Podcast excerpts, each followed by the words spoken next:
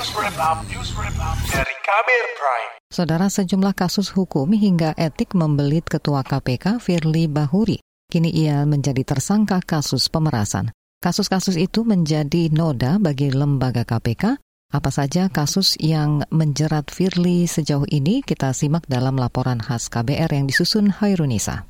Anggota Dewan Pengawas Komisi Pemberantasan Korupsi KPK Syamsuddin Haris mendorong agar Firly Bahuri diberhentikan dari jabatan Ketua KPK. Pernyataan itu disampaikan Syamsuddin setelah polisi menetapkan Firly sebagai tersangka pemerasan terhadap bekas Menteri Pertanian Syahrul Yasin Limpo. Uh, itu uh, tentu di tangan presiden. Memang di pasal 32 ayat 2 Undang-Undang 19 tahun 2019, jika pimpinan KPK menjadi tersangka, itu diberhentikan dari jabatannya dan itu tentu melalui keputusan presiden. Samsudin menegaskan Dewas KPK menghormati proses hukum yang sedang berjalan di kepolisian. Dia memastikan proses penanganan dugaan pelanggaran etik Firly di Dewan Pengawas tetap dilanjutkan.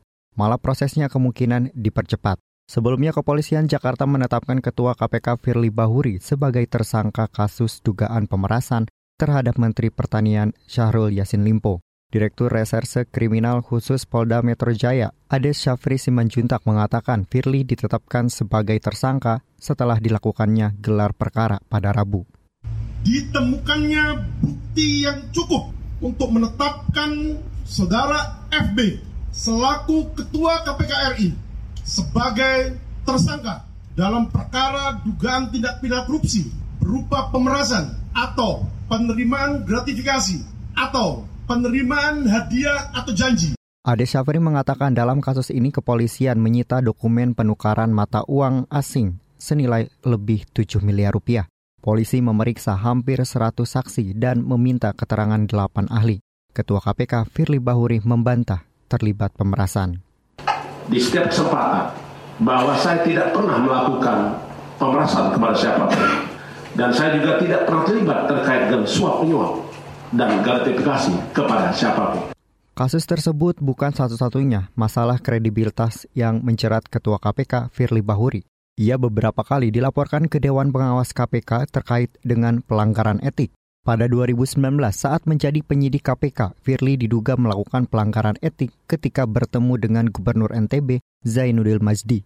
Pertemuan itu diduga terkait kasus korupsi di investasi saham PT Newmont Nusa Tenggara. KPK kemudian menyatakan Firly melakukan pelanggaran etik berat. Pada 2020, Firly sebagai ketua KPK dinyatakan melanggar kode etik dan pedoman perilaku karena menggunakan helikopter mewah untuk kepentingan pribadi. Pada 2021, Firly diadukan ke Dewas KPK karena memecat Novel Baswedan dan puluhan orang lainnya dengan alasan tidak memenuhi syarat menjadi pegawai KPK. Dewas menolak pengaduan itu dan menyatakan Firly tidak melanggar kode etik. Firly juga diadukan ke Dewan Pengawas karena mencopot Endar Priantoro dari posisi Direktur Penyelidikan KPK. Namun, laporan pengaduan kasus ini dihentikan Dewan Pengawas dan Endar kembali bekerja di KPK.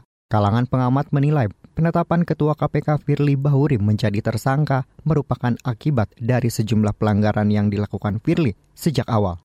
Peneliti Pusat Kajian Anti Korupsi UGM Zainur Rahman menyebut ini membuktikan pengangkatan Firly sebagai Ketua KPK sejak awal merupakan langkah yang salah ya kebiasaan-kebiasaan lamanya eh, tidak bisa hilang di KPK ada ada sebenarnya banyak banyak Eh, perilakunya ya di KPK yang menjadi sorotan gitu ya. Ada yang diproses secara etik, misalnya naik helikopter itu pun hanya bagian gaya hidup mewahnya, tetapi tidak proses jauh apakah ada dugaan gratifikasinya atau tidak. Tapi sebenarnya juga masih ada perilaku-perilaku lain di KPK yang yang uh, lolos dari perhatian publik. Nah, saya ingin mengatakan bahwa dari awal sosok ini problematik tetapi diloloskan oleh pansel, kemudian oleh presiden dikirim ke DPR, di DPR dipilih. Artinya memang sejak awal awal elit-elit politik Indonesia itu menghendaki sosok ini yang problematik ini untuk menjadi pimpinan KPK. Zainul Rahman mendesak KPK memperbaiki sistem internalnya dengan langkah awal memberhentikan Firly sebagai ketua KPK dan mengkaji ulang Undang-Undang KPK. Demikian, laporan khas KBR disusun Hoirunisa. Saya Heru Hetami. Kamu baru saja mendengarkan news wrap up dari KBR Prime. Dengarkan terus kbrprime.id podcast for curious minds.